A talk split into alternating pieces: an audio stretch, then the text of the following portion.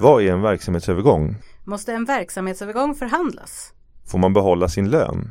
Och vad händer om bara en del av verksamheten köps upp? Vilket kollektivavtal gäller? Ja, det här och många frågor ska vi försöka att besvara i dagens avsnitt av Ingenjörspodden med mig Jenny Rosenbaum och Rickard Levin. Ja, jag tycker bara att vi eh, kickar igång, eller vad säger du Rickard? Absolut. nu kör vi!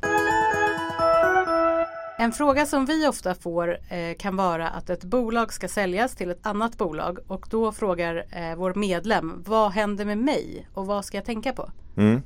Det här är ju det som vi då kallar verksamhetsövergång, Mm. övergång av verksamhet. Och eh, det handlar i det här fallet om eh, en, en, vad säger man, sammanslagning eller en fusion. Mm. Det ska inte förväxlas med den situationen när det är ett rent ägarbyte, när man bara byter aktier till en ny ägare. För då, då består ju samma bolag som det har varit tidigare, alltså det är samma juridiska person. Samma organisationsnummer Ja, precis, precis. Mm.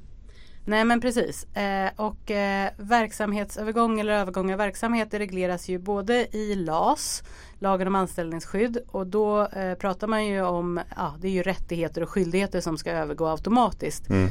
till då den nya arbetsgivaren. Och vi ska väl säga att det är både regler om när en hel eh, verksamhet övergår men även en del av en verksamhet. Och det är viktigt Ja. att komma ihåg för det är rätt ofta som det bara är en viss avdelning som köps upp eller något Mm. liknande. Eh, sen finns ju även reglerna i medbestämmandelagen, MBL, och då är det ju mer om förhandlingsskyldigheten och även eh, så vi kommer komma in på lite senare om det är olika kollektivavtal till exempel och vad som Ja. gäller. Precis. Men eh, det är ju ett lite struligt område och jag tänker, man- ska vi Mm. börja med att prata om vad, vad är en verksamhetsövergång? För redan där märker vi väl att det ofta kan vara så här, är det här en verksamhet? Du nämnde ju det här med aktieöverlåtelse till exempel. Eh, Ja. Det är ju inte en, en verksamhetsövergång. Sen Nej. kan man ju tänka sig att så här, ett företag tar över personalen men Mm. den nya verksamheten kommer inte ha samma, det kommer inte vara samma näringsverksamhet som, som den gamla. Är det då en verksamhetsövergång? Alltså, Det finns ju en mängd olika varianter Ja. och det här har ju prövats av domstol många gånger just för att det är problematiskt. Precis. Det finns ju, eh, om man säger så här då, i, i, i de sammanhang när alla är överens, Mm. när förvärvaren, alltså den som övertar verksamheten och överlåtaren, de som säljer verksamheten, när alla är överens om att det här är en verksamhetsövergång, Mm. eh, då, då brukar det i praktiken inte föreligga några stora problem. Men är det inte så alltid att när man är överens då eh, Ja, är det inte så mycket skulle man ju kanske kunna säga så. Då är det inte så mycket problem. Problemet uppstår ju när, när kanske framförallt förvärvaren Mm. eh, känner att det här, det här anser inte vi vara en verksamhetsövergång Mm. enligt, enligt de regler som finns. Och då, då finns det ju ett antal, det man ska titta på egentligen, man ska se om den här rörelsen har behållit sin identitet Mm, eh, i samband med den här övergången. just Då. det. Och ehm, då finns det ett antal kriterier ehm, som man ska väga samman egentligen och se om, om det verkligen är så att man kan säga att identiteten är densamma. Mm. Och är den det så, så kan man anse att det är en verksamhetsövergång med de regler och de skyldigheter som då följer med som vi också kommer in på. Um, Spikers-kriterierna kallas de här efter en dom i, i EU-domstolen. Mm. Och jag tror att du har dem där va? Precis, för vi pratade lite du och jag innan om det blir för långtråkigt att läsa upp de här sju kriterierna och så Ja. tänkte vi att vi gör inte det. Men jag tror att det kan vara bra att dra Mm. av dem ändå bara för att få eh, en liten förståelse för hur man, man tittar på de här kriterierna. Men ska vi Eh. bara säga då innan vi gör det att vi kommer inte att fördjupa oss i de här kriterierna Nej. nu. Vi kommer inte fördjupa oss i det scenariot nu. Mm. Utan För är det mest- man gör är också att man tittar ju på en hel, man gör en helhetsbedömning. Ja. Om det, är, det är ju sju kriterier. Och är alla sju uppfyllda, ja då, då är det en verksamhetsövergång. Mm. Och är ja, flertalet uppfyllda så kan det nog också vara det. Men om det bara är eh, en, ett kriterie till exempel som är uppfyllt, då Mm. kommer det inte vara en verksamhetsövergång. Precis. Och eh, de här kriterierna är då 1. Arten av företag eller verksamhet. 2. Frågan om företagets materiella tillgångar såsom byggnader och lösöre överlåtits eller inte. Alltså själva lokalen helt enkelt kan man Ja, säga. mycket så. Ja. Ehm, tre, värdet av överlåtna immateriella rättigheter. Nej, förlåt. Tillgångar. Immateriella tillgångar vid överlåtelsetidpunkten. Fyra, om majoriteten av de anställda tagits över eller inte. Och det där kan man ju diskutera. Den är klurig. Ja, för är det så att de anställda har tagits över och så är det som jag sa tidigare att man gör något helt annat. Ja, då kanske det inte är så. Men ofta kommer väl anställda med uppgiften. Tänker jag. ja. Så den kan ju vara lite svår. Eh, om kunder tagits över eller inte. Nummer fem. Nummer sex. Graden av likhet mellan verksamheten före och efter överlåtelsen. Och sen då den sista sjuan. I förekommande fall den tidsperiod under vilken verksamheten legat nere. Mm. Så att det är de här kriterierna man tittar på en, gör en helhetsbedömning för huruvida det här har varit en övergång av verksamhet eller inte. Precis, och de blir ju i praktiken ett, någonting som man fördjupar sig i Mm. i de fall när man är helt enkelt inte överens. Mm. När vi till exempel från fackligt håll är av uppfattningen att det här är en verksamhetsövergång och överlåtaren, eller snarare förvärvaren ska jag säga. Inte vill ha mer om anställda. Nej men Nej. precis, kanske inte Mm. är av samma uppfattning. Då får man fördjupa sig och titta närmare på det här. Och eh, det här med att få över anställda, det, det ska vi väl nämna att det finns ju ett uppsägningsförbud Mm. eh, kopplat till eh, verksamhetsövergången i LAS. Och det, det är ju att man inte Eh, ja, uppsägningar får inte ske eh, på grund av verksamhetsövergången och med det, det. sagt är det ju inte så att man inte får säga upp annars om man har en annan arbetsbrist och det där kan ju också bli Det kan också bli svårt väldigt att svårt, eh, i alla fall från ut. fackligt håll Ja. och påvisa att ja, men det här är ju tydligt att det är på grund av att ja. eh, Ja, ni ska sälja er är, verksamhet nu som ni säger upp massa folk. grundtanken är att man inte får städa Nej. liksom i, i, i framförallt kanske oftast hos överlåtaren då, Mm. Innan, man, innan verksamhetsövergången är genomförd.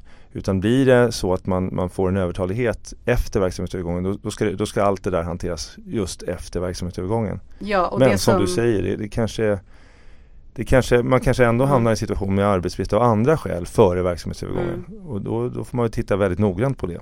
Och det som man ska tillägga det du sa då att om man vill städa efter då är det ju så att har man eftersom ens rättigheter följer med då så att säga anställningstid och så vidare så kan det ju vara så att man har faktiskt varit anställd längre och då blir det problematiskt på eh, någon typ av turordningslista i, hos den nya arbetsgivaren. Precis, precis. Mm. Det kan finnas skäl för en arbetsgivare att vilja städa.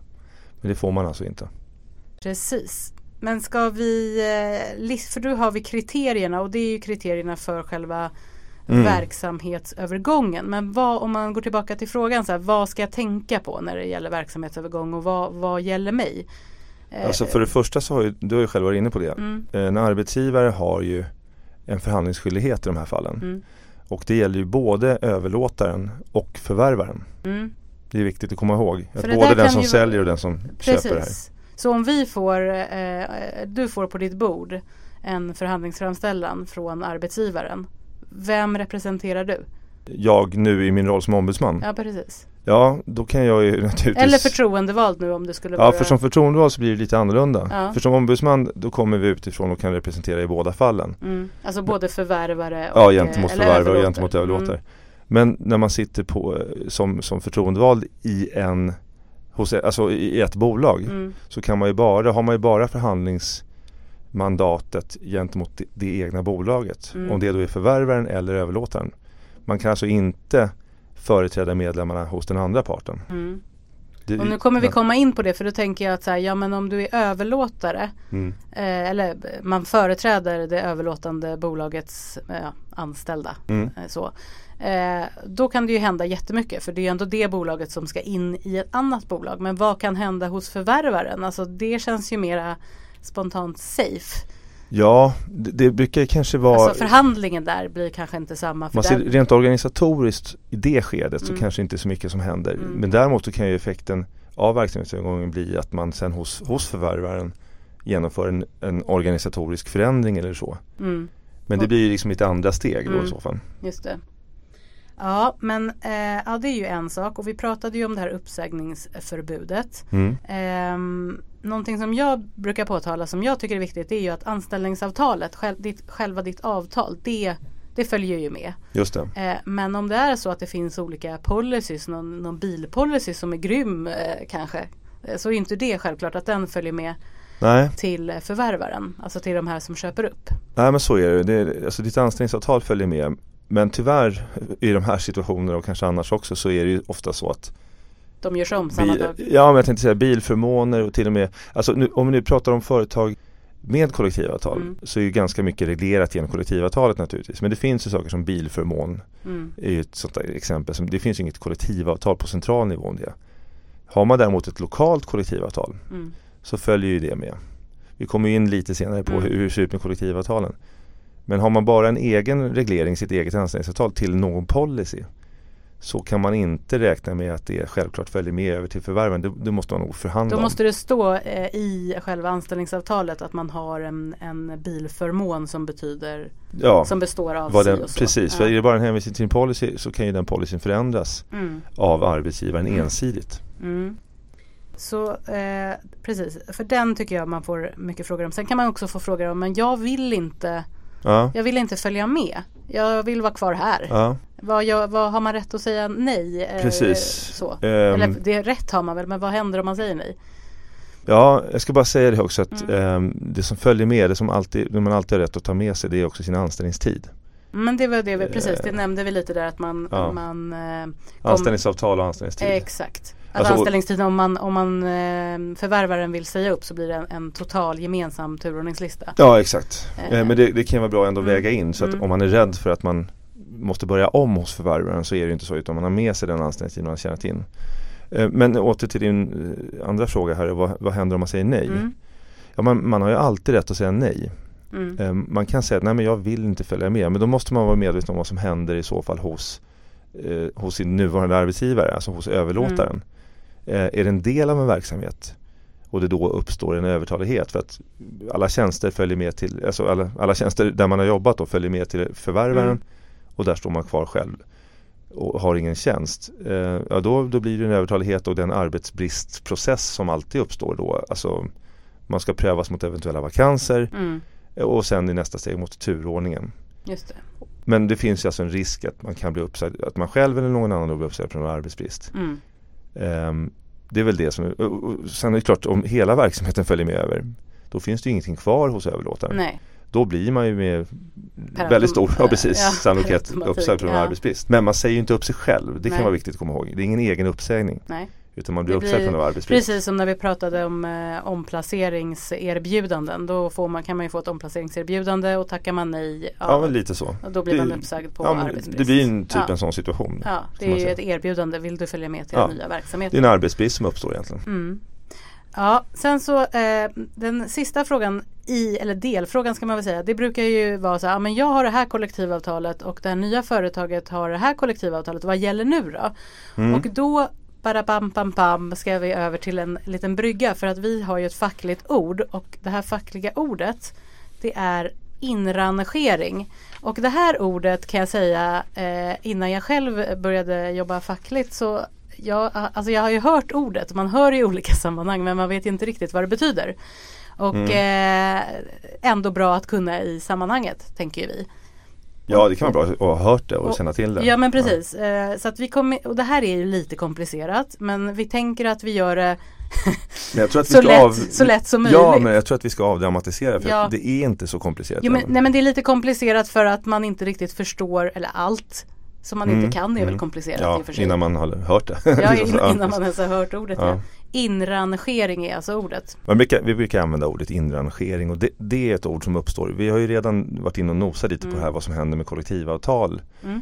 och den kollektivavtalsbundenheten vid en verksamhetsövergång. Och det finns lite olika situationer som kan uppstå och det här regleras i medbestämmandelagen. Ehm, lite beroende på hur kollektivavtalsförhållandena ser ut Mm. hos överlåtare respektive förvärvare. Mm. Vi, man kan väl säga att vi har eh, tre situationer. Mm. Ehm, och det ena eh, skulle kunna vara att överlåtaren har ett kollektivavtal men inte förvärvaren. Mm. Ehm, vi kan köra igen, jag kör igenom alla tre Mm. och så går vi tillbaka Ja, sen. Ja. det. Eh, den andra situationen är att överlåtaren och förvärvaren är bundna av olika kollektivavtal. Och sen har vi den tredje och det är att överlåtaren och förvärvaren är bundna av samma kollektivavtal. Ehm, men om man börjar med den första, det är väl ingen riktig egentligen inrangering. Men om överlåtaren har ett kollektivavtal men förvärvaren har inte det. Just det. Vad händer då? Om förvärvaren till exempel inte vill ha ett kollektivavtal? Nej men precis. Ehm, ja, alltså, det finns uppsägningsregler vad gäller kollektivavtalet i uh, medbestämmandelagen också. De tänkte inte vi gå in så djupt på för vi, vår uppfattning är att alla arbetsgivare ska ha kollektivavtal och vara bundna av det. Eh, Check. Så då har vi nämnt det. Ja. Eh, Men annars är det så att man som, som eh, förvärvare i det läget ändå blir bunden av kollektivavtalet. Man, och, och, alltså man får tillämpa kollektivavtalet. Och i, i, i eh, de juridiska sammanhangen så pratar man om att man smittas. Det tycker inte jag är helt positivt för smitta, Nej, det känns ju jag som vet något... inte hur juridiskt det är. jo, men det, nej men jag menar det pratar... Vi kanske säger det lite Ja men i slarvigt. juridisk doktrin i alla Ja, fall ja. alltså, i, så, så står det ju faktiskt smittas. Och man kanske säger så. Men smittas, det är ju, Nej, det alltså, någonting som någon man jättebra ord. smittas av känns ju som en väldigt negativ Ja. sak att bli smittad av någonting. Arbetsgivarna kanske känner så, de som är emot kollektivavtal. Men för våra medlemmar är det ju klart jättebra att man tar med sig kollektivavtalet. Mm, Eh, och då, då är man bunden av kollektivavtalet Mm. till dess att kollektivavtalet löper ut. mm, Ehm, så, så det är den första situationen. Men, och, eh, I den andra situationen som du nämnde, då hade man olika kollektivavtal va? precis. Vilket gäller hos eh, förvärvaren då, alltså den nya arbetsgivaren. Vilket Ja. ska man ha? Och det är den situationen som det, där man oftast då börjar diskutera en inrangering. Därför att då kommer det ett gäng, antingen en del av verksamheten eller hela verksamheten från överlåtaren Mm. in hos förvärvaren. Och båda har haft kollektivavtal men olika kollektivavtal. Mm. Och då är regeln så här att kommer man inte överens om någonting annat så måste förvärvaren tillämpa eh, överlåtarens avtal Mm. eh, under ett år från det att verksamhetsövergången skedde. Eh, på det, den, delen, den gruppen då som kom från överlåtaren Mm. på de anställda. Eh, och efter det året sen så kan man då tillämpa sitt, sitt eget kollektivavtal på samtliga anställda. Många arbetsgivare tycker att det här är en ganska opraktisk idé Mm. och då försöker man istället att hitta ett sätt att eh, ska man säga, förhandla och ja, Inkorporera kanske? Ja, inkorporera och, och, och hitta ett sätt att kanske tillämpa sitt eget förvärvarens avtal redan från början. Mm. Men att man då löser av, eller om man ska säga, eh, överlåtarens, de delar i överlåtarens kollektivavtal som man kanske som kanske var bättre eventuellt eller Mm. som För det är ju inte så att man väljer, ja men det här var det, var det liksom det bästa avtalet och så tar vi det. Nej, nej. Utan man, Det blir en förhandling det blir helt en enkelt. förhandling. Ja. Det är det som är inrangering. Man, man jämför vad, hur villkoren ser ut i respektive avtal Mm.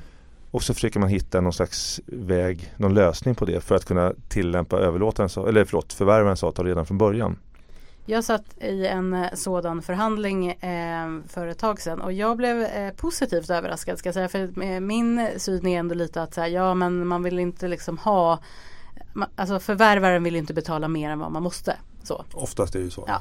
Men i det här fallet så var det ju så att de skulle köpa upp en del av den här verksamheten. Den här verksamheten bestod ju av våra eh, medlemmar från Sveriges Ingenjörer Mm. som eh, helt enkelt eh, besatt väldigt fin kunskap. Alltså det var därför de köpte den här delen av verksamheten. Så de var ju väldigt noggranna med att göra på, ja, ta in alla villkor som var bättre för att det inte skulle Ja, de ville helt enkelt inte bli av med dem för då Nej. skulle ju den här affären inte kunna fortsätta. Låter som en klok arbetsgivare. Mycket klokt, det är positivt överraskad. Ja. ja men jättebra. Det, och, och, bara säga det om den tredje eh, varianten också. Mm, kan man det är- tycka att ja, det, vi, vi bara nämner vilken det var för man kanske inte he Nej, helt har koll på våra 1, precis. 2, 3. Det är då att eh, överlåtaren och förvärvaren är bundna av samma kollektivavtal. Och då kan man tycka att det behövs ingen, ingen inrangering där. Nej.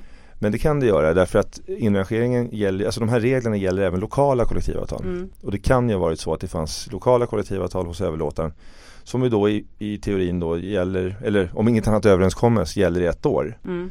Och det kan finnas en anledning att titta på det och kanske inrangera det också. Men det brukar ju som sagt vara förvärvarens initiativ som det här, Mm.